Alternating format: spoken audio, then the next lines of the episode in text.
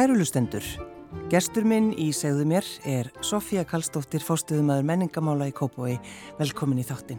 Takk fyrir. Varstu alveg upp á menningalegu heimili? Nei, ég get ekki sagt það. Um, þó að, já, eflust hafa þau hérna fjölskyldamenguna með þetta svona góða lista einhverju marki en alls ekki, menning og listum var ekki haldið að mér. Um, ég vildi strax mjög ungverðlar á piano og, fekk það í gegn og fór að læra hjá áslögu pressfrú á grundafyrði og hefði mann eftir að ég, það var erfitt fyrir mig að beða pappa um þessa peninga því það var ekki til miklu peningar á heimilinu en hann uh, saði bara strax já, ekki málið. Þannig að ég fór að læra þið á piano Hann fann áhugan Hann fann áhugan, já. mm. og hérna, nei, nei, þannig að ég, þetta er einhvern veginn bara innri þörf og kvött. Þú mannst eftir einmitt sko síningu sem þú fóst á? Já, já, og ég man eftir eftir fyrstu leiksýningunu sem ég sá þegar ég var barn og, og það var að sama tíma ári, kannski ekki beint barnasýning, en ég man eftir ég var alveg bara, ég var algjörlega heitluð upp úr skónum að það, þetta væri var, til. Já, Bessi Bjarnar og, og Margret. Já, já, þetta var stórkostleg upplifin, þetta voru, mér fannst þið bara þau fór í guðatölu hjá mér. En ég ætla að þú veist sem var til þess að ég tók þátt ég reyndi að taka þátt í öllum leikritu sem ég gat og, mm. og, og, og var, alltaf mjög ekki svona aktív í, því, í þá veru sko það sem hægt var. En þetta var svona kveikjana ástriði minni fyrir listum og ég fór strax þegar ég í ment og fór í, í herranót og var í stúdendaleikursunu lengi líka. Og þarna, þannig að þetta er svona eitt leit af öðru. Og bara menningin hefur alltaf loðað við mig og hérna þó ég hef gert heiðarlega tilrönd til að, að forðast hann.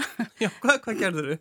Ég, til dæmis, þegar ég var búin að vera í, ég læri þess að söng í söngskólanum í Reykjavík og, og svo sá ég þetta var nú ekki gefa mikið aðra hönd til dæmis og þess að æg get ekki þess að harkja alltaf æfi og þannig að ég fer í viðskiptafræði. Sniðu, góðum. Mjög svona skilt og ég skráði mig viðskiptafræði. Ég held ég hafi mætt þarna í, ég manða ekki einni eða tvo tíma en ég bara, ég fríkaði alveg út og gati þetta ekki. Já. Og bara hætti og hjælta áfram að hjakka í menningunni. en hvernig var það allast upp á grundafyrði? Það var dásamlegt. Þetta er náttúrulega bara eitt, falleg, eitt fallegasta sjávar plása á landinu og og eh, auðvitað alveg ofsalega mikið frelsi og, og, og fagurt og gott fólk sem bjóðar og indisleg umgjörð sko. Mm.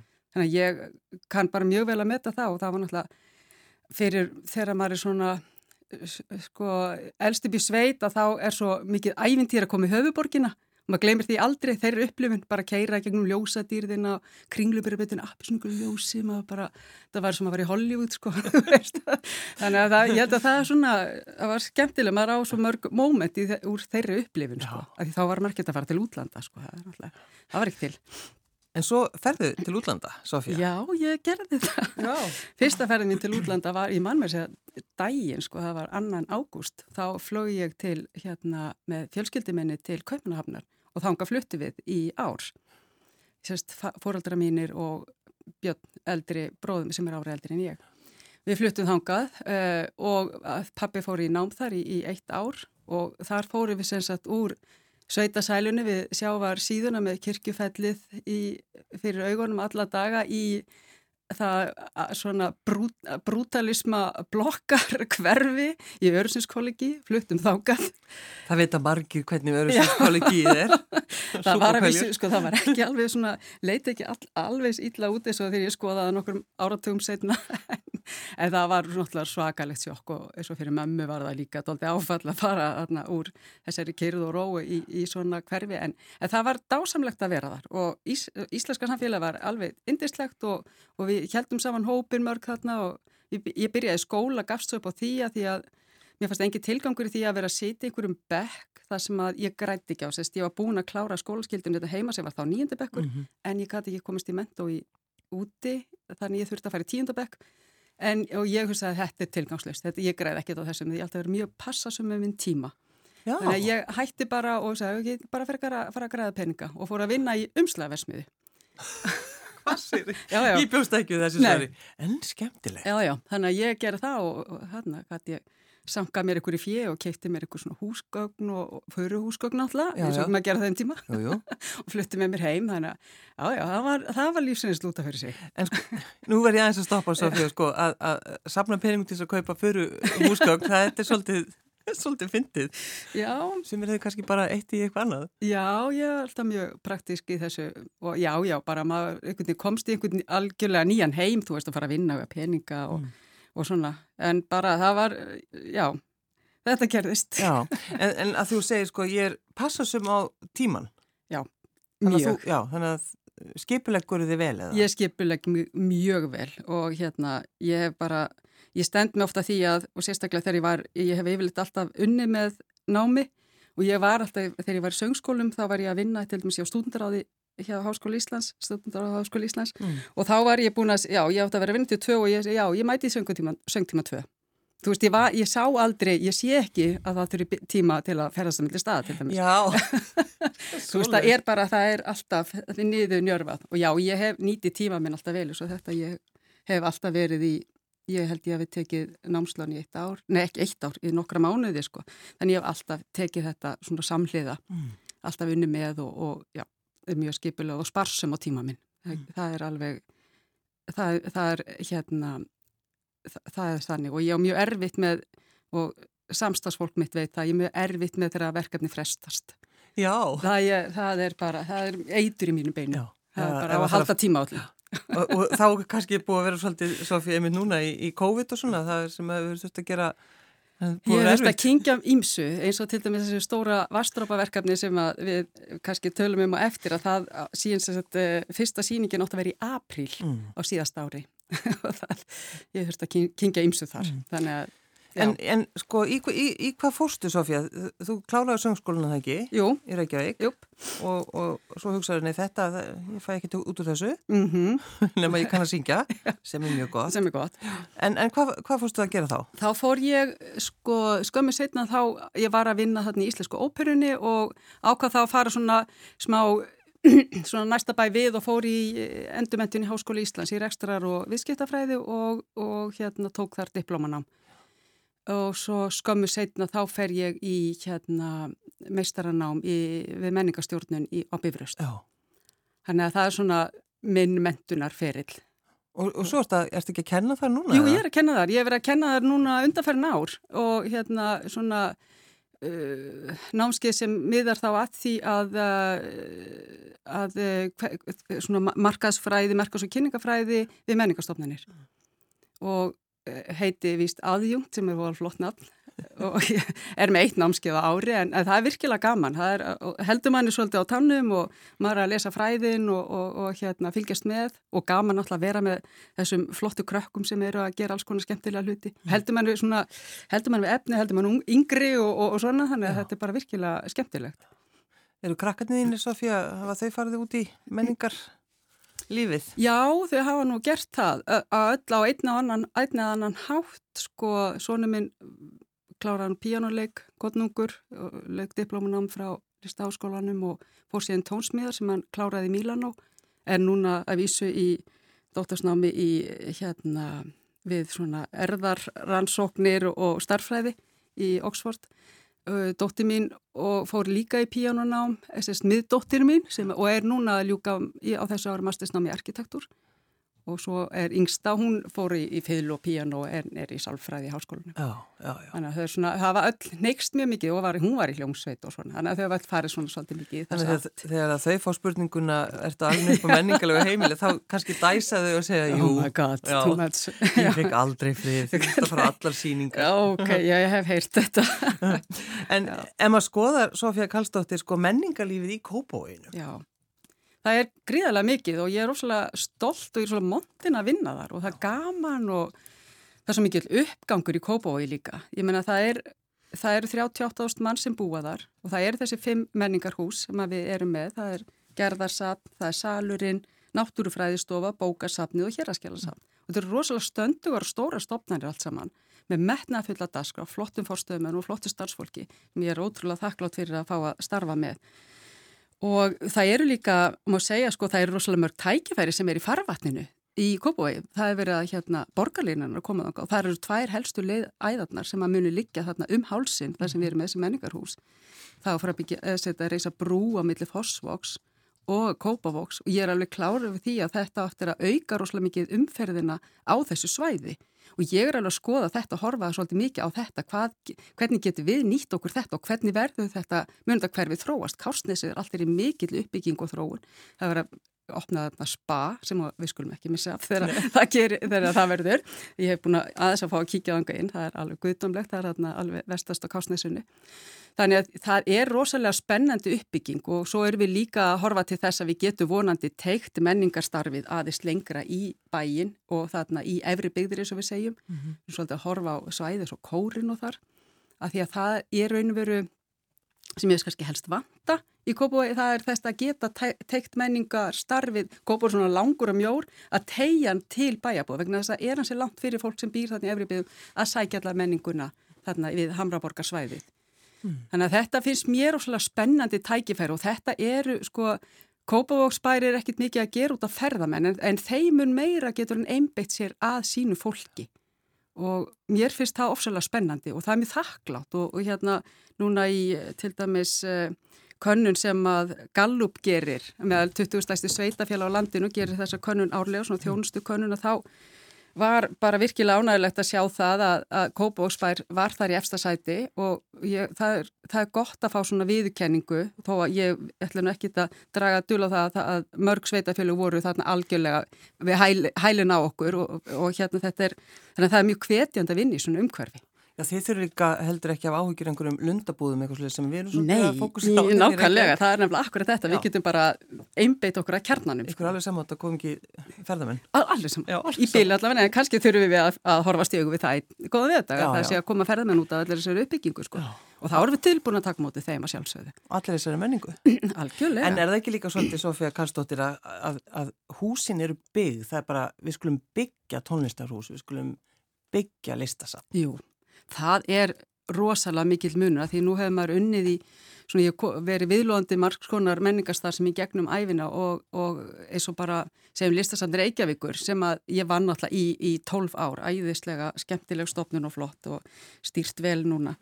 Uh, sko ég hérna við vorum alltaf í talsveru vandraðum vegna þess að þetta er jú versmiðu hús, þetta er, þetta er ekki eða versmiðu, þetta var svona hérna, geimslu stöð einhvers konar fyrir borgina og eh, það er láttir loft, það eru, það eru erfiða súlur þar, það, mm. það var svo margt sem að komi veg fyrir það að listin gæti blómstraða eins og þurfti að gera. Já, já. En þannig eru við með hús sem er einmitt eins og salurinn sem er náttúrulega bara með akustík sem er sko, hvað best hér á landi og, og gerðasatt sem er dásamlega síningarast og fallega bygging já, já. þannig að þetta er, er rosalega mörg tækifær, svo bókasatni líka sérstaklega hana fyrir það og náttúrufæðastofa þannig að við, ég, þetta er og bara, bara svo ég haldi áfram að þess að dásama þetta en þá er auðvitað sko þessi þyrping menningarúsa, bara þegar ég réði með þetta starfa fór ég mikið að sko, hugsa um þetta og skoða þetta að það er þú, maður finnur hvergi, hvergi hér á landi og ekki, og ég hef ekki fundist að Erlendis heldur sem hefur upp á þetta bjóða.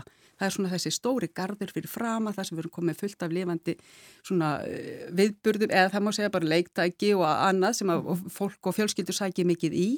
Getur verið fyrir utan og svo sótt þessi menningarhús heim. Það eru rúðalega fáar hliðstæður með svona sem bjóð upp á þetta og þetta hefur náttúrulega nýtt okkur menningarhúsin við unnum mjög mikið saman, alls konar viðburðum og, hérna, og þetta er ofsalega mikill styrkur fyrir menningarstarfið. Sofía, ef við ekki hans tala um það þegar þú varst sökuð um einelti? Jú, getur ekki... Við getum eiginlega ekki sleppt í. Já, það er, það er auðvitað mjög, það var erfitt og uh, ég er náttúrulega unnið, já, eins og ég segi, sko, í rúm 30 ári menningar geiranum og þar af lengst af sem stjórnandi alltaf átti mjög farsælt starf þó ég segi sjálf frá að vera heppi með samstarfsfólk og, og, og mér hefur bara náttúrulega alltaf liðið vel í, í mínum starfu sem betur fer. En já, ég söku þetta um einelti og, og það eru þetta eitt af því sem að stjórnendur þurfa að vera viðbúnir. Mm að það getur allt komið upp á og það er bara eitt af því sem að, að hérna, ég ætla ekki að fara að setja mig eitthvað fornarlams hlutverk, ég menna þetta er bara eitt af því sem maður þarf að taka. En, va en varstu undirbúin undir þetta? Sjálfsög ekki. Ég fekk þarna símtal frá bladi sem að segði að, að morg daginum eftir, eða frá stundinni, þar sem að segja að daginum eftir muni byrtastu mig grein þar sem ég sökuði um einelti og gróft einelti og ímislegt annað sem að ég kannast ekki við og koma fjöllum. Eh, hérna, ég náttúrulega sem stjórnandi má ekki tala um álefni einstakra, einstakra starfsmanna og gera það ekki. Þannig að, að ég svaraði þarna stuttlega. Mm. Eh, en síðan ákveður eh, fyrir um fórstöðum að gera samsins sagaði mig sem sagt um þetta að eh, einhverju síðar að leita til bæjarinn sem að ég hefði nú óskað eftir væri gert fyrst þannig að færi svona réttferðli eins og hérna ofinbærastofnarnir bjóða upp á svona ferli við rannsóknir og eineltismálum. Uh, hún ákvaði að gera það setna meir, nokkurnu vikum setna eftir þetta mál kemur upp og uh, málið fer í hérna úttekt hjá bænum eða ekki hjá bænum allir heldur, fær bærin óháðan aðila, mm -hmm. líf og sál til að rannsaka málið. Þannig eru gerða skýslur upp á, já, einhverju hundruðu blaðsína hjá, frá báðum aðilum og yfirheyslur, eða yfirheyslur, eh, svona viðtöl mm -hmm. í, hjá fjölmörgum aðilum til að fara yfir málið. E, þetta var sérsagt, ég var söguð um einelti sem var brotið niður ykkur að 27 atriði. Um, síðan kemur þarna, er, tekur sálfræðistofan sér langa tíma að fara yfir öll þessi gögn og meta og bera saman. Og skemst frá því að segja að ég er hreinsuð af öllum þessum ásökunum sem að hefur náttúrulega ekki komið mikið fram og ég er svo sem ekkit að halda því mikið á lofti heldur, ég, mér finnst ágætt þetta mál bara gleimist, við gerðasafnir í dag á mjög góðu stað og við erum að hérna, vinna bara uppbyggingu þar þannig að um, En þetta er allavega staðrindin og, og það komi svo sem ekki þetta óvart þessi niðurstaða og mörgum öðrum heldur ekki. Þannig að ég er bara, já, er, þetta er leiðilegt, þetta gerðist mm. og auðvitað var þetta erfitt fyrir mig persónlega og auðvitað fyrir fjölskyldunum mína líka. En eins og ég segi, þetta er náttúrulega hluti af starfinu. Var mikið slúrað um þetta, Sofía? Slúrað um þig? Ég, þú veist að ef það er slúrað um fólk þá veit, veit maður að síðast sjálfur. Já, það, er, það er nú þannig. en, en já, öruglega sko. Þú veist, maður veit bara um að það, ef svona mál kom upp þá eru þetta slúrað um þig og, og hérna, það er bara þannig og það, ég er ekkit að, ég, það, ég tek það ekkit næri mér. Mér er lagi. Ég meina, ef fólk vil vera þar þá má það bara vera það fyrir mm. mér. Mm. En sko, fannst þér erfitt að geta ekki þú veist kannski sagt allt sem þið langaði að segja? Já, auðvitað vissu, upp að vissu marki en sko, en ég veit líka bara, þú veist, ég setti maður strax í þá stöði, ég er stjórnandi, ég má ekki tala um þessu mál, þú veist, ég er bara, ég er þar og ég get ekki stjórna því, ég er í þessar stöðu og ég ætla bara halda andliti og ég ætla bara að taka og vinna þetta mál eins og ég get best, ég, ég veit allan tíman ég er með hrein og skjöld og það er náttúrulega það sem heldur mér við efnið og ég, þú veist, þetta fór ekki þannig með mig að ég var einhverju veikindarleifi með eitthvað slíkt, þú veist, ég bara, ég vann málið áfram. En eins og þú segir, sko, halda andlitinu. Já, það þarf að gera það. Mm. Og hérna, ég gerði það bara, ég minna, og, og bara, held öllu gangandi, ég minna, ég er náttúrulega með fullt öðru starfsfólki, það er fullt starfsmi gangi og, og hérna, hlutinir halda áfram. Þannig að það er bara, já, já, ég, þetta var leiðilegt, þetta gerðist, en, en Ég er svo sem, ég er ekkit að velta mér upp úr þessu alltaf. Nei, en að því að þetta var sko, svo fyrir ég spyrði út af þessu vegna þess að, að þetta kom í umræðina mm. og, og stór emitt, bara eh, fjallaði um þetta í stundinni og öruglega fleiri stöðum, en svo bara einhvern veginn ekki neitt Nei. og þannig að fólk kannski heldur ennþá að þetta sé í gangi.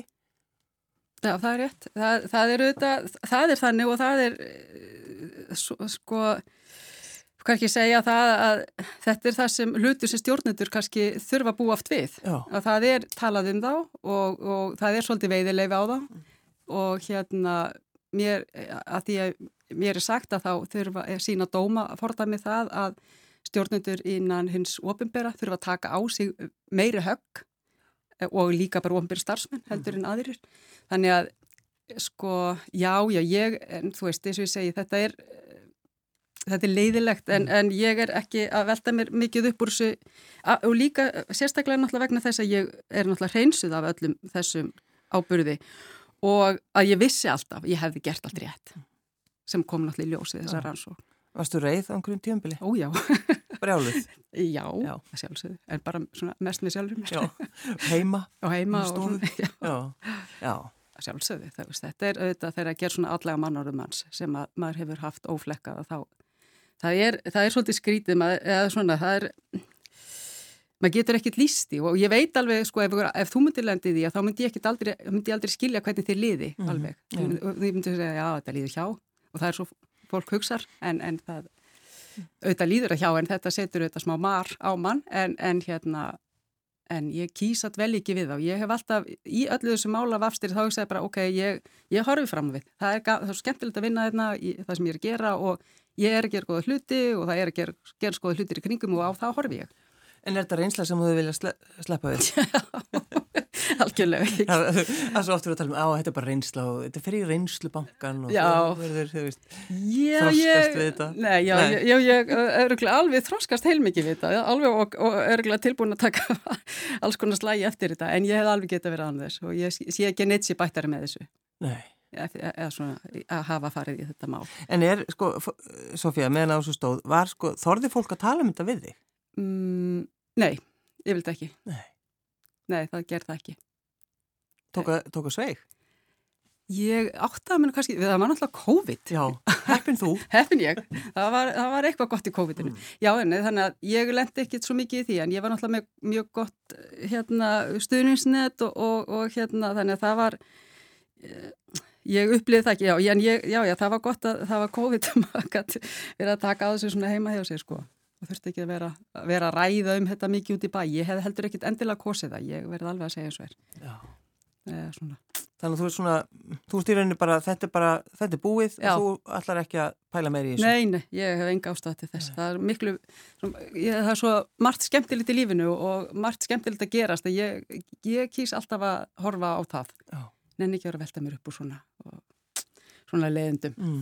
En það er líka alltaf að passa upp á tíman. Já.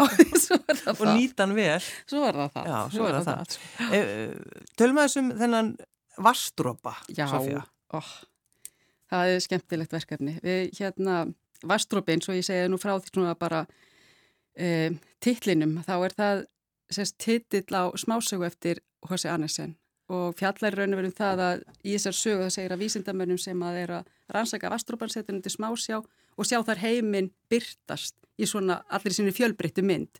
Og þannig er þetta verkefni svolítið svona þetta, og var þetta bara alls konar svona leiðir með hann að vastrópa hann eh, fellur á vatnið og þá gárar hann út frá sér og, og verður stærri og stærri. Og þannig hefur þetta verkefni svolítið verið. Ég sótt um styrk til að, að hérna svona opstarstyrk hjá Norrannum sjóði til að, að fara á stað með verkefni sem að e, tengir þá kópavóg við vinabægi sína annars vegar mm. Tampere og Óðinsvíi. Í Tampere er múminálfarsafni. Tampere í Finnlandi. Finnlandi já, já, Tampere í Finnlandi. Uh, er múminálfarsafni og hérna sem Helsingi búar neytu að taka við á sínum tíma sem var mikill bömmir fyrir þá en, en Tampere sitt er með það núna og þetta er alveg ofbóslega vinsælt safna, e, e, eins og, eins og gefur að skilja og hérna og hins vegar, já, var þetta er í Óðinsvíum, þá er H.C. Andersen safnið Já. og ég sá þarna ákveðin samlegðar áhrif eins og ég sagði þér áðan þá var ég alltaf að leita einhverju svona, ég vildi strax til fór að vinna þá vildi ég leita eins út fyrir landstinna að, að samstarfi en þess að Kópavóksbæri er það sterkur sko og það er kannski ekki mikið sem maður getur gert svona meira í samstarfi nema bara svona undir við, við, við hátíður og annað slíkt sem við erum hafa verið að gera. En mér langaði svo að kíkja eitthvað út fyrir landstinu og var alltaf að reyna að finna eitthvað svona samlegaðar stopnarnir eða samsvarandi stopnarnir sem ég fann nú ekki. En finn þetta moment þarna að þarna er þessar stopnarnir og þessar hérna, vinabægir og hef samband við fórstuðumann hérna, Múminál Sapsis og hún tekum mér fagnandi og við fórum hérna okkur starfsmenn fyrir þennan styrk sem við fengum til að kynna okkar hugmyndir um að við vildum fara í einhvers konar samstarf. Var, var svona fyrir eitthvað ómótað. E, síðan hef ég samband við fórstuðumann í Hásæðansafninu og hann tók þessu hugmyndinni líka mjög fagnandi um þetta samstarf. Síðan svona þróuðist hlutirnir og ég fekk hérna til liðsum mig e, verkefnastjóra sem er hálf dönsk, hálf íslensk Sara Löfvet aðadóttir býr í Berlín, hann er rosalega alþjóðlega vel tengt og fæ hann að að hjálpa mér að taka næstu skrefi því að sækjum fleiri styrki til að koma verkefninu stað. Út úr því samtali verður kveiknar alveg ótrúlega falleg hugmynd sem að við erum að byggja þetta verkefni mikið á og það er að taka sérst, hugmyndafræði og gildi þessara bókmenta inn í heimsmarkmiðin. Og eh, eins og við getum séð, sko, þá er til dæmis Tófi Jansson, hún tengist mjög mikið heimsmarkmiðinu um umhverfismál. Fyrsta bókin hennar hétt Stóra flóðið og, og eins og þú veist bara sem hefur örgulega lesið eitthvað um Tófi Jansson og múfina og þannig að það, það eru umhverfismál mjög sterk. Arstiðt Lingren, hún tengist til dæmis heimsmarkmiðið fimmum um hérna jafnrétti og hver er þar? Lína Langsókur til dæmis sem við öll elskum sem við öll elskum og dýrkum og, og, og H.C. Andersen tengist náttúrulega heimsmarkmiðum að allir hafi verið út skjól og sé ekki látnir afskiptalöysir eins og bara litla stúlka með elspýtunar. Þetta eru ævintýri sem við erum og sögur og, og gildi þessara sagna sem við erum að vinna með. Við erum kannski ekki að vinna til að með sögurnar per se en þessa karaktera og hvað, hvernig þau tengjast heimsmarkmiðunum sem að sko, Kópa og Spæri er mjög mikið að vinna með heimsmarkmiðun og innlega það í sinni stefnumótun þannig að þetta rýmar allt vel við og þessi söpn sáu þarna líka mörg tækifæri bæða að tengja þessa rítumund allar saman og vinna með þessi gildi áfram mm. og upp úr þessu verður að við e, fáum til liðsvu okkar og Sara sem mjög, þekkir mjög vel til að í Evrópu fann þarna síningarstjóra Tjús Martínez, spænsk kona sem hefur eh, sem rekur þarna er, er starfi, er, er einn á stjórnateimi í hérna lista áskóli Basel í Sviss og er, sko, er búin að vera síningastöru fenið að tveringnum, Sá Pálo og, og er rosalega vel tengt í samtíma listaheiminum og líka í náttúruvísundum sem er rosalega spennandi. Þannig að hún er komin hérna til þess við okkur og er síningarstjóri við verkefninu og við ákvæmum, þegar hún er komin til inn í máli að þá hérna ákvæmum við að setja stefnun á það og það var það sem heitlaði hana við verkefnið og það sem við vorum svo sem búin að ræða áður er að við vildum involvera börn í þetta. Í barnasáttmálu saminu þjóðan er til dæmis lögð mikil áherslu á það að börn séu sjálf skapendur og gerendur og þau séu að horfa á gaggrinum augum á það sem þau vilja sjá og gera. Og þetta vildu við taka strax inn í verkefni og það var það sem heitlaði hana og eins og hún sagði alltaf sko að hún, hún hefur aldrei skilið aðgreininguna á því af hverju eh, börn get ekki verið jafn uh, merkilegi listamenn og fullornir og af hverju þeirra list sé ekki jafn marktæk og, og list fullorna. Þetta er svo góð pæling. Þetta er svo góð pæling og þegar hún sagði þetta ég held bara já, einmitt. Þannig að þú veist það er alltaf að bætast í fólk inn í þetta, inn í þetta verkefni sem er alltaf að bæta svo miklu við úr sínum hugmyndaheimi og þannig að það er ákveð að setja á laggirnar teimi barna úr öllum þessum löndum Þannig við erum núna með börn í þessum fjórum löndu, það eru hvað, 13 börn í þessum fjórum löndum sem sita núna bara hittast eins og þessari viku og heit, undir hérna heitinu Ungir síningastjórar. Ungir síningastjórar? Já. Þetta er frábært. Og, já, og þeir eru bara með leifbennitur hver fyrir sig og þau hafa hist e, svona online einhver, einhver þeim, einhver hópar og, þau eru að, öll að vinna að einu verkefni, einni síningu sem heitir Lífi vatni og verður opnið í gerðasafni í byrjun júni mm.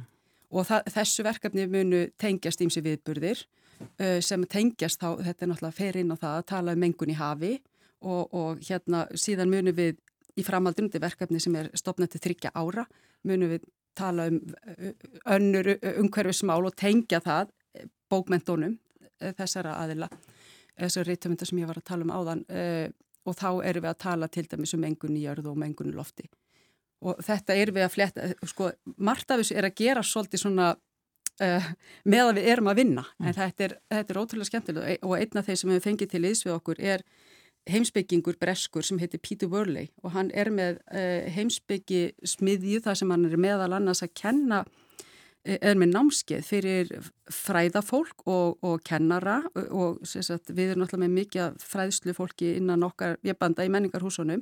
Þannig að kenna þeim að e, láta börnin e, opna sig og, og hann, hann, hvernig þú getur fengið börn til að vera svona frumkvælar og hvernig þau getur gert breytingar því hann talar um það að börn vanalega og þú spyrði eitthvað spurninga mm. þá koma þau með svör sem þau halda að þú vilji fá. Já. Af því að það sé, er það ekki örgulega rétt að svara þetta, þetta er alveg rétt. Þetta er alveg rétt. Já. og í skólastofan er þetta svona bara og þegar hans, hans, þetta líst þessu mjög flott þú veist, já, eh, ef þú spyr barnum eitthvað þá, þá, þá spyrða eitthvað það, neð það svarar einhverju og það svarar því næstu því með spurning, var þetta ekki rétt hjá mér? já, skilu, þannig að hann vil þessa veggi burtu og hann er að kenna þessum, hérna, þessum fræðslufulltrúum að nálgast börni með þessum hætti með opnum spurningum, þannig að þau verði svona frumkvölar og þau geti gert breytingar og þau bara geti nýtt sína hæfileika og komið sínu sköpunarverkja framfæri. Og þannig verður síningin í gerðasafni svo að mótuð af þessum ungu síningastjóru og þetta er raun og veru það sem við bara, við látum ekki staðar numið þarna heldur erum að nota þetta og beita þessu sem nýri aðferðafræði sem við munum halda utanum og gefa út efni um. Og við erum að sjá þetta sem svona tímamótaverkefni sem verður innleitt í söpnum til framtíðar. Mm. Og sem dæmum það að þá er Hási Annessasafni óskaplega metnafullst sapn, þau eru að opna nýtt sapn alveg eftir sko, dásamlegt í óðinsvið við í sömur Kengo Kuma arkitekt í japanskur sem er að tekna þetta sapn, alveg stórkoslegur arkitekt þau ætla innlega þessa aðferðafræði í öllu sínu starfi og þau eru sko að tala um að safnið er að fjóruða stærsta í Evrópu. Það er rosalega metnaðarann í gangi. Þannig að við erum að gera svolítið tímamóta starf í þessu verkefni og höfum, höfum þetta fyrir viki hlotið ótrúlega mikið af góðum styrkjum, bæði hérna frá Norðurlöndum og frá Íslandi, Batna menningarsjóði og List og menningar á Kópavóks hefur styrt verkefnið Uh, hérna Norræna ráþherranemdi, Norræna menninga, menningasjóðurinn uh, og svo núna fenguðu náttúrulega dögunum hennan glæsilega styrk frá Erasmus Plus bara hérna hvað var þetta, 42-3 miljónir. Þetta er Íslands frumkvæði? Já, ég, þetta er þín hugmynd? Eða? Já, hún er það, uppalega. Já, þá skulum við bara halda því til haga. Þakkaði fyrir það, já, já. Og hvernig hún bara stækkar og er, getur orðið bara eitthvað stórkoslegt. Já, þetta já. er alveg ótrúlegt hvað svona lítil þúfa veldur oft þungur hlassi og, og hérna við erum þar týjir manna að vinna þessu, við vorum með ástöfnum daginn og það var alveg, við vorum bara, já, 20-30 mann sko og það voru ekki allir, þannig að þetta er alveg, alveg ótrúlega gaman að sjá þetta verk svona vaksa og blómstra og, og hvað fólk hefur miklu að trúa því og, og þetta blendu við síðan inn í þetta fjölmörgum listamönnum og, og ymsum toga sko, þannig að þetta er svona þetta er að vaksa og dafna. Sofja Kallstóttir, sköpun og krafturinn. Já, segir þið Takk fyrir að koma. Sofja Kallstóttir, fórstuðum aður menningarmála í Kópói Takk fyrir mig